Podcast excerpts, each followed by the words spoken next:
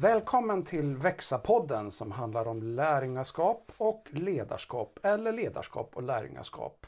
Och som vanligt är det Sam Wolin. och Svante Hector som sitter bakom mikrofonerna. Yes.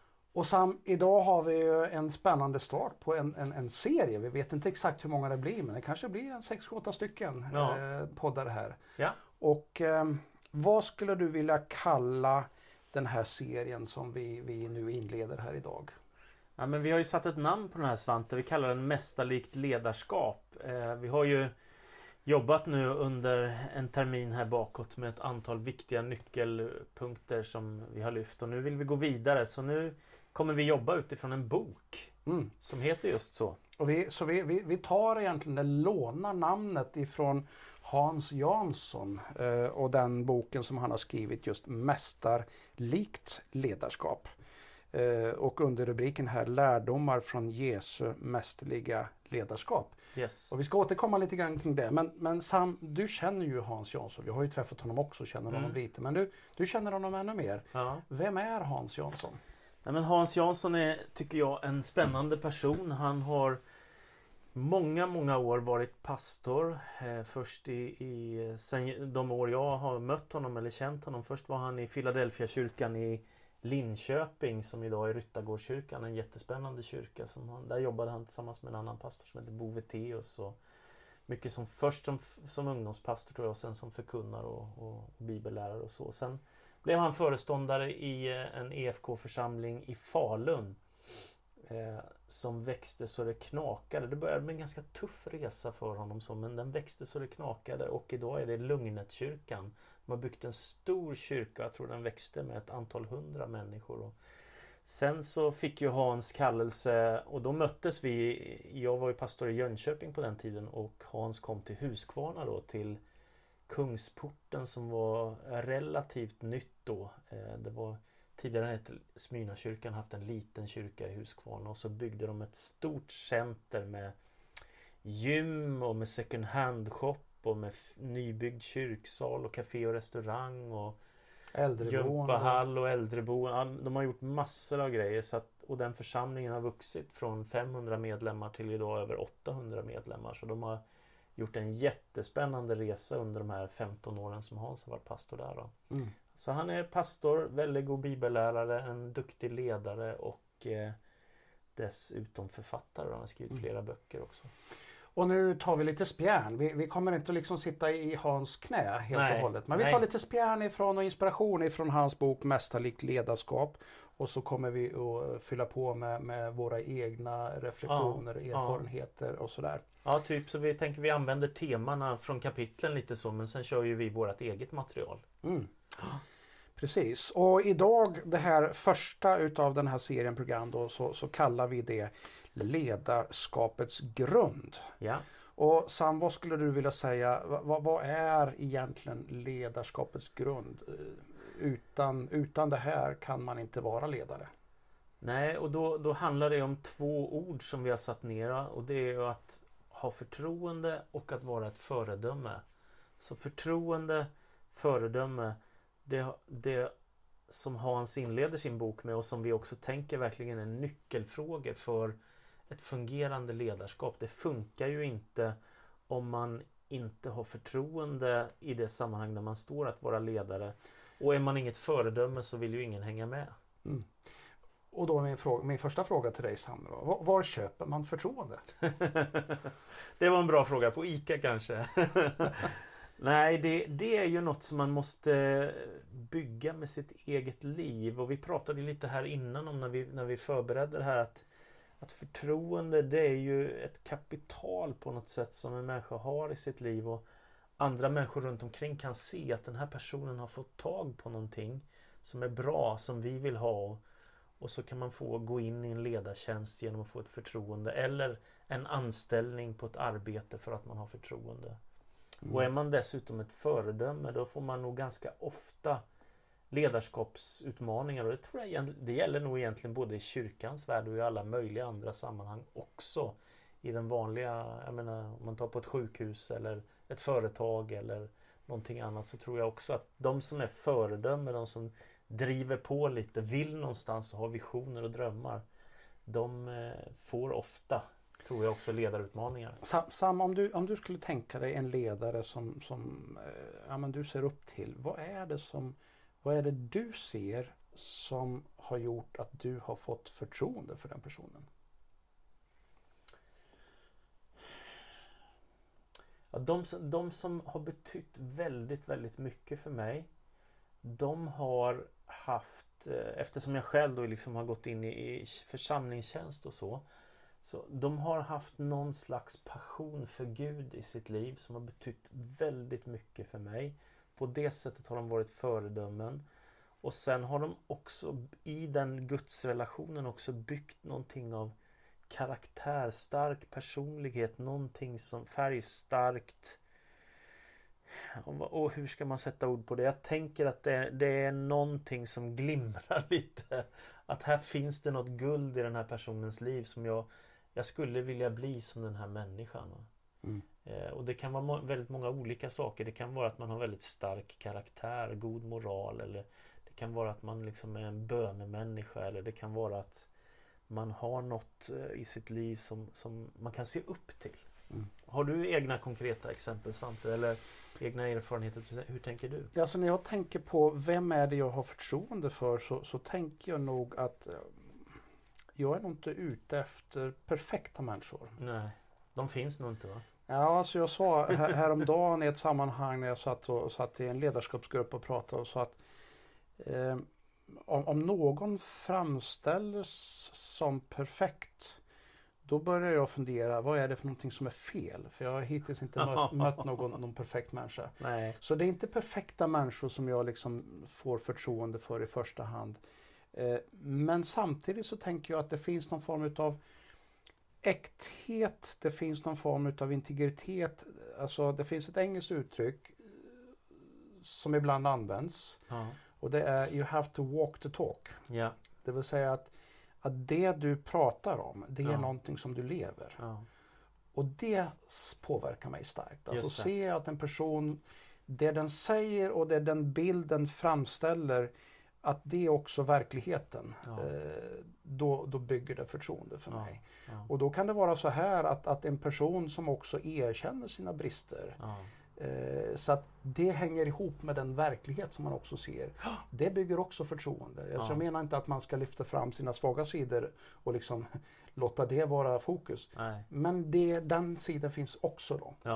Att det hänger ihop. Eh, ja. Någon form av autenticitet eller yes. äkthet då. Mm. Det är någonting som för mig då mm. eh, kraftfullt bygger förtroende för en person. Ja, ja. men det är bra. Det är bra. Så. Eh, föredöme då, vi är ändå inne på det här lite grann. Hans Jansson skriver lite grann om det här. Ja. Och, eh, och vi tangerar det lite grann här. Eh, alltså hur perfekt måste man vara som ledare för att man faktiskt ska vara ett föredöme Sam? ja. ja, det är en jättebra fråga du.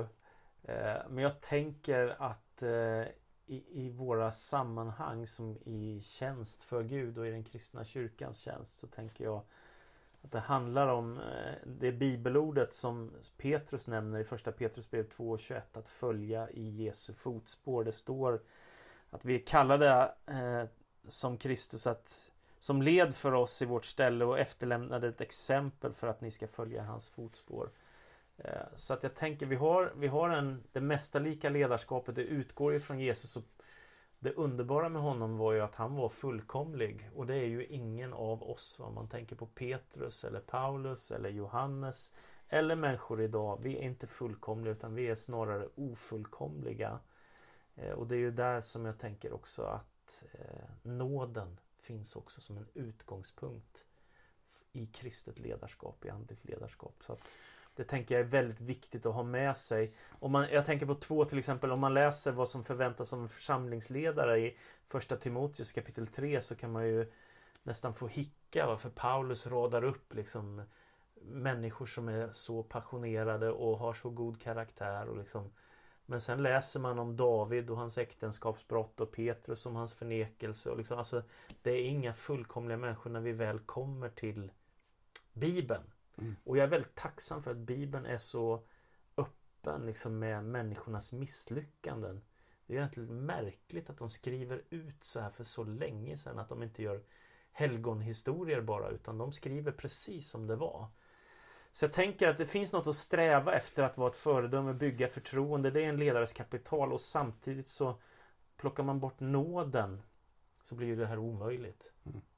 Alltså det här är intressant du säger Sam. Jag vet inte om du har stött på sådana människor men, men det har jag gjort eh, någon gång ibland. Människor som har en väldigt, eh, vad ska man säga, eh, tydlig bild över hur en församling ska vara. Ja. Och det är, enligt en del en bild på, på så perfekta människor ja. som äh, de finns inte tänker jag. Nej. Och så, så målar man upp en bild, ja, men är man inte så perfekt då kan man inte vara ledare. Då kan man liksom inte vara och, och, och någonstans så får jag då en bild utav att ja, skulle då församlingen vara sån då skulle det vara en plats för perfekta människor. Och så tänker jag, hör jag hemma där? Ja. Och så reflekterar jag över Jesu lärjungar. Hur perfekta mm. var de Sam? Ja, inte alls.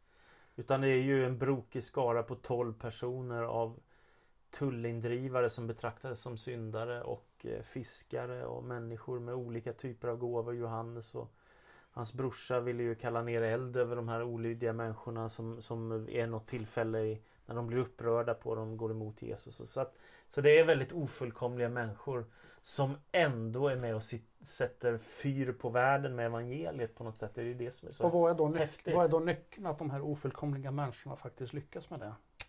Ja, och då kan man ju tänka på apostlagärningarna med liksom den helige andes kraft. Alltså Guds bistånd in i människors liv också. Att han, att han verkar i vanliga ofullkomliga människor. Så tänker mig då om man söker efter livet som har det som är efter Guds vilja. Man söker efter det och man söker efter kärleken till Gud och vilja vara en efterföljare till Jesus. Och samtidigt hela tiden ha med sig att allt bygger på nåd. Eller som Magnus Malm sa, liksom, om jag vandrar med Jesus och någon vill följa med, det är ju fantastiskt. Mm. Istället för att se sig själv som någon gigant som alla måste hänga på. Liksom, så en, en människa som är frälst av nåd och som får förtroende att tjäna därför att man är hängiven och älskar Jesus och vill bygga någonting viktigt med sitt liv.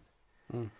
Då tänker jag att det ändå kan glimra lite guld där bildligt talat i en, i en människas liv. Man ser något gott av Gud i en annan människas liv mm. som, som man känner det här vill jag ha mer av. Om jag för ett ögonblick då backar tillbaka lite grann här. Eh, Hans Jansson i ett av sina kapitel här så, så gör han, kommer han med ett citat ja. utav Peter Drucker som, som är en ganska så känd sån här eh, amerikansk österrikisk managementkonsult och har skrivit mycket. Om man har läst en del ledarskapslitteratur så har man säkert ramlat på det namnet någonstans. Ja. Han uttrycker sig så här. Definitionen på en ledare, den enda definitionen, är att det är någon som har efterföljare. Ja. Hur tänker du kring den Sam? Nej men jag tänker så här att eh, dels, dels det vi var inne på alldeles nyss här med att en människa som, som hänger sig åt något och ger av sitt hjärta och som går in för saker och som försöker bygga sin karaktär och göra något bra med sitt liv. En sån människa får ett slags kapital och förtroende att bygga med. Och då kommer andra människor se runt omkring att den här människan den vill vi ge förtroende. Mm. Därför att den är passionerad, hängiven för något och någon vi vågar lita på. Mm. Eh, så, så det där är ju Det är ett slags kapital vi pratar om som man bygger upp. Som andra kan se och känna den här personen skulle vi gärna jobba tillsammans med. Så jag kommer ihåg min, min pastorskollega från Jönköping. Jag tror jag nämnt det någon gång förut. Han sa Gud kallar om vi tar andlig tjänst då. Men det är människor som ger förtroende. Så man kan ju inte bara komma och ta scenen och säga här är ju, nu är jag här och nu ska jag leda. Utan det är ju andra människor som ger en förtroende som gör att man kan leda. Och människor röstar med fötterna i väldigt mycket grad. Ja absolut. Alltså, man följer ja. och visar förtroende på det sättet. Mm. Den här mm. personen vill jag följa. Och då har jag en, har jag en fråga så här. Eh, ibland har jag funderat över, det finns ju goda ledare. Ja. Som människor verkligen vill följa därför att det är något fantastiskt gott i dem. Ja. Men sen kan det också finnas ledare som kanske inte så tydligt kan klassas som goda ledare. Nej. Men ledare som har möjlighet att fånga en situation, kanske i reaktion mot någonting. Ja. Och de kan också få följare. Absolut. Har du sett det Sam? Ja det tycker jag. Jag tycker att jag har sett det ibland och, och det och, och, och eh, Det kan ju vara olika saker. Det kan ju vara människor som vill utöva makt. Det kan vara människor som hittar på egna grejer. Om man tar ur kristet ledarskap då till exempel speciallärare som ingen annan kyrka har knappt i hela världen som man vill driva. Och, och så tar man med människor på en resa som leder fullständigt vilse. Det har jag sett. Mm. Eh, och jag har konfronterat det också och så. så, att, så det, ja, eller att människor liksom man får, man, får, man får positionen men det funkar inte med förtroendet eller relationerna. Så helt plötsligt så bygger man in splittring i hela, hela, led, i hela vad, ledningen. Men vad, vad, tror du det kan bottna i? Eh, att en människa vill göra det? Är det, är det liksom är det att människor en del är onda bara eller kan det vara så att man, man eh, blir förförd utav sin, sitt eget ego mm. som person? Eh, att man liksom vill själv synas och höras och själv få en, någon form av bekräftelse eller vad kan det vara för någonting Sam? Den risken tror jag vi har alla, att man vill ha bekräftelse och då kanske liksom om jag, om jag gör någonting som sticker ut så är det klart att det hörs och märks på ett helt annat sätt än om jag gör det som förväntas av mig. Så det där är en, är det en riskfylld bana. Eh, naturligtvis finns det människor som eh, jag, jag, jag, personligen både tror och tänker så att man kan välja på gott och ont som människa. Jag säger inte att vi är fullkomliga utan jag utgår från att vi alla är ofullkomliga, att vi alla misslyckas ibland. Men jag tror att människor också kan välja det onda, absolut Svante. Man kan välja att vilja förföra och leda andra människor vilse. Och det är förfärligt när det händer. Eh, och sen majoriteten av tillfällen för ledarskap så tror jag inte det händer varken i kyrkan eller, eller ute i samhället. Utan majoriteten av tillfällena för ledarskap så funkar det ändå hyggligt. Mer eller mindre bra. Men det finns de här avarterna som spårar ur fullständigt. Läromässigt eller ledarskapsmässigt och Ja, det, jag kan inte riktigt begripa det. Jag, jag, har stött, jag har stött på det i sammanhang där jag känner att det här, nu är det liksom det är lögner och det är inte sant. Och liksom, alltså det, det är mm. väldigt konstigt, det är svårt att förstå. Jag kan inte riktigt fatta det faktiskt. Mm. Ja, vi kanske kan återkomma till det möjligen, men vi har ju ett, eh, ett bibelsammanhang här. Vi ska se om vi hittar det här ifrån Apostlagärningarna 28. Ja. 20 eh, och 28 förlåt. Eh, ja. Där det står så här. Ge akt på er själva och hela den jord där den helige ande satt er som ledare. Till att vara herdar för Guds församling som han har köpt med sitt eget blod. Ja. Eh, ge akt på er själva och hela den jord. Och det är självledarskap då Svante som ju är så fruktansvärt viktigt. Och jag, jag tror att det var en författare som jag läste som skriver om ledarskap som sa att den svåraste personen att leda av alla, det är jag själv. Mm. Det är lite roligt och ändå är det, vi sa ju det innan när vi satt och förberedde det här också att att alla former av ledarskapsinsatser är ju tillfälliga. Alltså man är inte ständigt med andra människor men man är ständigt med sig själv. Man kommer aldrig ifrån sig själv. Som chef kan du kanske sparka vissa människor även om det inte är det lättaste alltid. Men det är svårt att sparka sig själv. Ja, det går inte. Det går inte. Och därför är ju självledarskap det viktigaste av allt. Om man då har Jesus som förebild så är det klart, här har vi då en perfekt ledare som säger att tjänande ledarskap och, och liksom både kraftfullt och ödmjukt eh, förenas i Jesus. Men då ska bristfälliga människor också försöka göra något gott av självledarskap och det tror jag faktiskt är fullt möjligt. Mm. Vad tror du Svante? Vad är nycklarna vad skulle du säga i ditt eget liv för att leda dig själv? Vad har varit nycklarna, det viktigaste? Kan du ge några, några exempel på liksom, det här har hållit mig på banan. Det här har hjälpt mig långsiktigt. Du har ju många år erfarenhet av ledarskap. Vad är det som har hållit dig fast? Vad är det som gör att du fortfarande är på plats där du är liksom, och inte gör något helt annat? Jag tror att det, det, det finns ett antal saker eh, och jag vill vara ödmjuk i det här för att jag, jag, jag tror att vi alla brottas med saker som gör att vi, vi är i riskzonen att misslyckas ibland. Ja. Men, men det som ändå har varit återkommande viktigt för mig det är att jag har gjort ett antal återkommande aktiva val. Där ja. jag både har valt och valt bort. Ja. i någon form av medvetenhet. Om jag inte väljer bort det här, då kommer det att leda mig fel. Ja. Och där jag har valt så inser jag att det här hjälper mig att hålla mig på banan. Ja. Och då tänker jag så här att, att om jag ska vara en ledare, vilket jag nu är det i ett, i ett, i ett andlig gemenskap eller jag är det i ett, i ett annat sekulärt sammanhang. Eh, så behöver jag ha sådana här inspirationskällor. Ja. Alltså någonting som fyller på Ja. eh, med ett bra sätt att tänka. Med en bra inspiration. Och, Ja. och det är någonting som jag, det händer inte bara. Nej. Det är någonting som man väljer. Okej.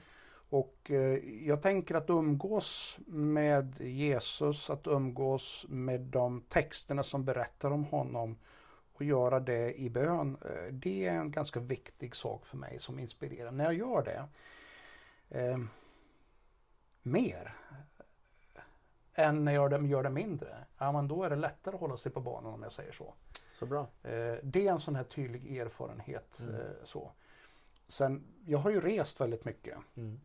Man brukar ibland säga då att ledarens tre största liksom, eh, riskzoner eller, eller utmaningar det är ju pengar, det är makt och det är sex. Mm.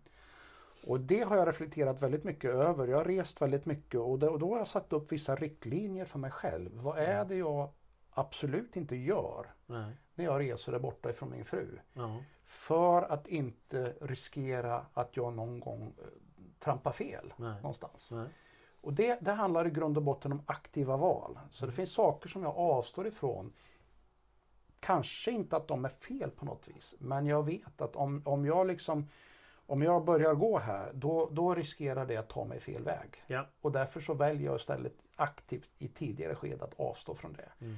Och samtidigt välja andra. Så att aktiva val kring eh, lite långsiktigt, vad är det som påverkar mig i rätt riktning? Ja. Och vad är det som jag ska avstå ifrån att inte ta mig i fel riktning? Det är nog några Så egentligen eh, två nyckel, nyckelgrejer som du kan se liksom i ditt eget liv som verkligen har hjälpt. Det ena är att öppna upp liksom för inspirationen och de positiva, goda tankarna, det goda och evangeliet i sig. Liksom. Och det Mm. andra är att avstå från de här gråzonerna så att Mm. inte jag hamnar på vägar jag inte vill vandra på. Mm. Ja men det är bra och jag har en sån här underbar Jag minns eh, det var Josefina Renius Hon är ju författare och eh, föreläsare i, Finns i Örebro, en duktig tjej Och jag minns att hon berättade i sin bok om ledarskap att Hon berättar någon scen där folk fyller 65 år och går i pension och folk bara står upp och jublar och applåderar så här liksom Jag tyckte det var en sån vacker scen va? och det är så lätt på vägen istället att det aldrig blir så Mm. Därför att jag kraschar eller eller jag väljer bort det som Gud hade tänkt för mitt liv eller så. Va? Så att därför det här självledarskapet det är ju så viktigt. Och vad, vad när mig och vad tär mig? Vad hjälper mig och vad förstör för mig? Det är Ja, rätt bra precis. frågor att ha med Mm, sig. mm. Det finns ett område här som, som är lite klurigt, alltså som inte är helt enkelt. Men, men jag har stött på det i så många sammanhang, både i en internationellt eh, mul- multikulturell kontext men också i den svenska. Mm. Och det är de här begreppen förtroende, förlåtelse, upprättelse. Ja.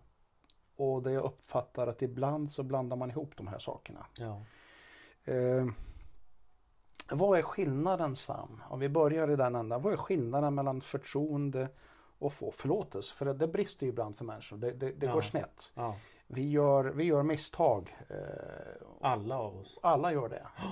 Eh, och ibland gör vi allvarliga misstag Ja. eh, som kan få stora konsekvenser. Alltså, vi gör det, Bibelns berättelser eh, återkommer till det gång på gång. Eh, vad är skillnaden mellan, mellan att få förlåtelse när det har gått snett eh, och att få ett förtroende? Tänker du? Precis. Eh, nej, jag tänker, jag tänker liksom att det är ju att människor hänger sig, att människor ger av sitt liv, sin tid, bygger någonting, gör någonting med sitt liv som gör att man får förtroende för en annan människa. Och väldigt ofta är det också, tror jag, centrerat mm, med någon slags passion, kärlek eh, och gott beteende och ödmjukhet och sådär. Som gör att man får förtroende, som gör att dörrar öppnas. Sen är vi ju alla, vi är ju alla bristfälliga som människor. Så det är klart om, om man kraschar i sitt liv, vilket vi kan göra. Eh, då tänker jag så här att om en människa ber om förlåtelse. Eh, jag menar, vi nämnde ju exempel som Petrus eller David eller andra. Det finns fler i Bibeln som där livet kraschar. Om man ber Gud om förlåtelse eller ber människor om förlåtelse. Då kan man ju faktiskt få det direkt. Direkt efter något allvarligt eller något eh, destruktivt har hänt i ens liv. David bekänner ju sin synd inför Gud och, och, Petrus han gråter bittert och Jesus möter honom på stranden där liksom med Petrus har du mig kär efter att han har förnekat honom. Så att Det där finns ju eh, en direkt förlåtelse. Sen är det klart att om en människa har ställt till det i sitt liv ordentligt så tänker jag att det är väldigt klokt att det behöver ta lite tid för att bygga upp förtroende igen. Eh, och så är ju liksom kan det också finnas en upprättelse vilket gör att man kan få komma in i tjänst igen även om något har blivit fel. Hur tänker du om Kan det? du kräva förtroende? Så? Nej, nej det är helt omöjligt. Det är helt omöjligt och försöker man så blir det ju bara hopplöst. Mm. Man, måste, jag... man måste för, ja, förtjäna känns också men Men alltså på något sätt är det ju det är något som andra ger. För jag tänker att det här är en ganska viktig sak. Jag har stött på ibland människor som har, har det har gått snett för, man har bett om förlåtelse. Och så har man i samma andetag efter att man har fått förlåtelse i princip krävt att få eh, förtroende tillbaka. Ja. Uh, och jag får inte ihop den bilden. Jag, jag, kan inte heller se att man kan kräva ett förtroende. Nej. Förtroende kan bara ges utav andra människor. Ja. Men du kan aldrig kräva det. Du kan göra aktiva saker för att försöka återuppbygga förtroendet. Bygga det från början eller att återuppbygga det. Ja. Eh, men du kan aldrig kräva förtroendet. Nej. Nej. Någonstans. Det är riktigt. Och det är därför det kan behöva ta ganska lång tid ibland. Precis. Alltså att rasera ett förtroende det kan gå väldigt snabbt. Ja. Det kan ta fem minuter. Ja.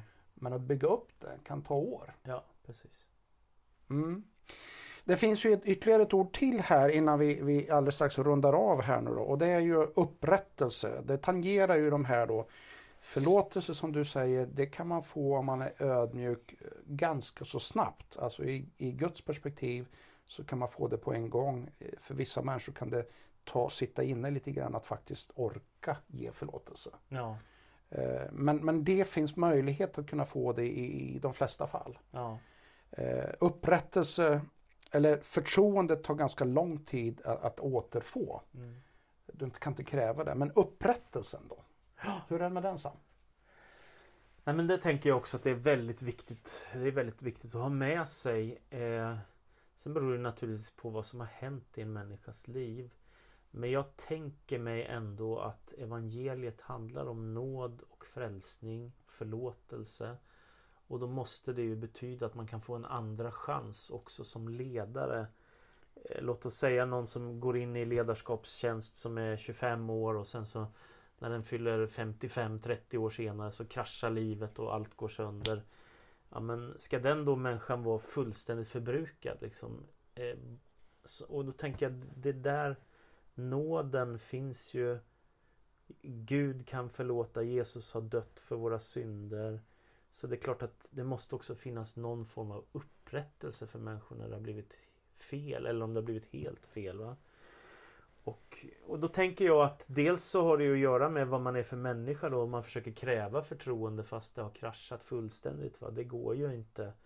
Men om man ber om förlåtelse, ödmjukar sig och vill tillbaka på sikt då. Det behöver ju gå tid tänker jag så att man visar att man omvänder sig från det som blev fel. Och Då tänker jag att det måste finnas upprättelse. Det är det jag tänker Petrus och Jesus att det handlar lite om när Jesus dör på korset så förnekar ju Petrus Jesus tre gånger och det är ju egentligen helt otroligt att Jesus ber Petrus att bli kyrkans ledare. Liksom. Det är ju mm. rätt märkligt. Jag undrar om vi skulle ha gjort det idag. Så det, man kan ju ha med sig det också, särskilt när man mm. läser Paulus utmaningar för gott ledarskap och vara församlingsledare. Liksom vilka tuffa ord han ställer. Och, mm. Oförvitliga människor, typ så. Va? Men, men Petrus är ju ett exempel där han möter Jesus kärlek på stranden efter uppståndelsen. Där Jesus frågar Petrus, har du mig kär? Så det tycks ju vara det viktigaste. Liksom. Om man älskar Gud och man älskar Jesus och vill tjäna honom, då måste det ju finnas vägar till upprättelse också. Kan det vara så här att förlåtelsen den kan man få relativt snabbt? Ja, Förtroendet tar ganska lång tid att bygga upp. ja, Och återupprättelsen in i en liknande roll eller kanske samma roll i vissa fall. ja, Det kan först ske efter att du både har fått förlåtelse och i alla fall ett rejält mått av återuppbyggt förtroende. ja, ja, jag tror att det är så. Det är nog det bästa. Jag vet ju ibland liksom när människor kraschar fullständigt och så säger de Ja men andra människor vill att jag ska fortsätta. Va? De kanske har en sån exceptionell gåva av ledarskap eller någonting annat. Och då kan man ju förstå sorgen för människor men du kan väl fortsätta ändå. Men jag tror att det kan vara klokt att ta en paus ibland i sitt ledarskap. Om, om det är sådana tuffa saker vi pratar om. att det Inte bara att man misslyckas liksom, för det gör vi ju alla. Men att, men att det är allvarligare saker liksom, så, så kan det Mm. väl vara bra. Vilket spännande samtal Sam. Ja. Eh, Nu, nu handlar vi väldigt mycket i, i- det här som eh, alltså våra snedsteg eller, eller misslyckanden. Ja, Där ska vi inte fastna utan vi ska ju fortsätta naturligtvis. absolut. Men det är ändå en ganska viktig del Ja. att både ha lite självinsikt och sådär. Eh, nästa gång, nästa poddavsnitt, då kommer vi att fortsätta lite grann och då kommer vi ägna oss åt, åt frågan Vem är jag? Ja, Och vems är jag? precis. Eh, så, så, men det återkommer vi till. Yes. Eh, det är spännande. Ja, Eh, om vi nu har någon av våra lyssnare här som liksom eh, går igång på någonting här. Eller känner, har frågor och så här, vad gör de då Sam? de kan höra av sig till oss. Det går jättebra på mail eller på telefon. Och det finns uppgifter. Ja, man kan gå in exempelvis på Facebook på Växa-podden. Ja, Där kan man skicka meddelande. ja, Eller så kan man välja att gå in på karlstad.pingst.se och söka kontakterna till Sam Bolin och Svante Hector. ja våran hemsida för kyrkan. Och visst vill vi gärna ha återkoppling. Ja, gärna, gärna. Så hör gärna av er. Mm, Och ehm, ja, ska vi avrunda så idag? det gör vi.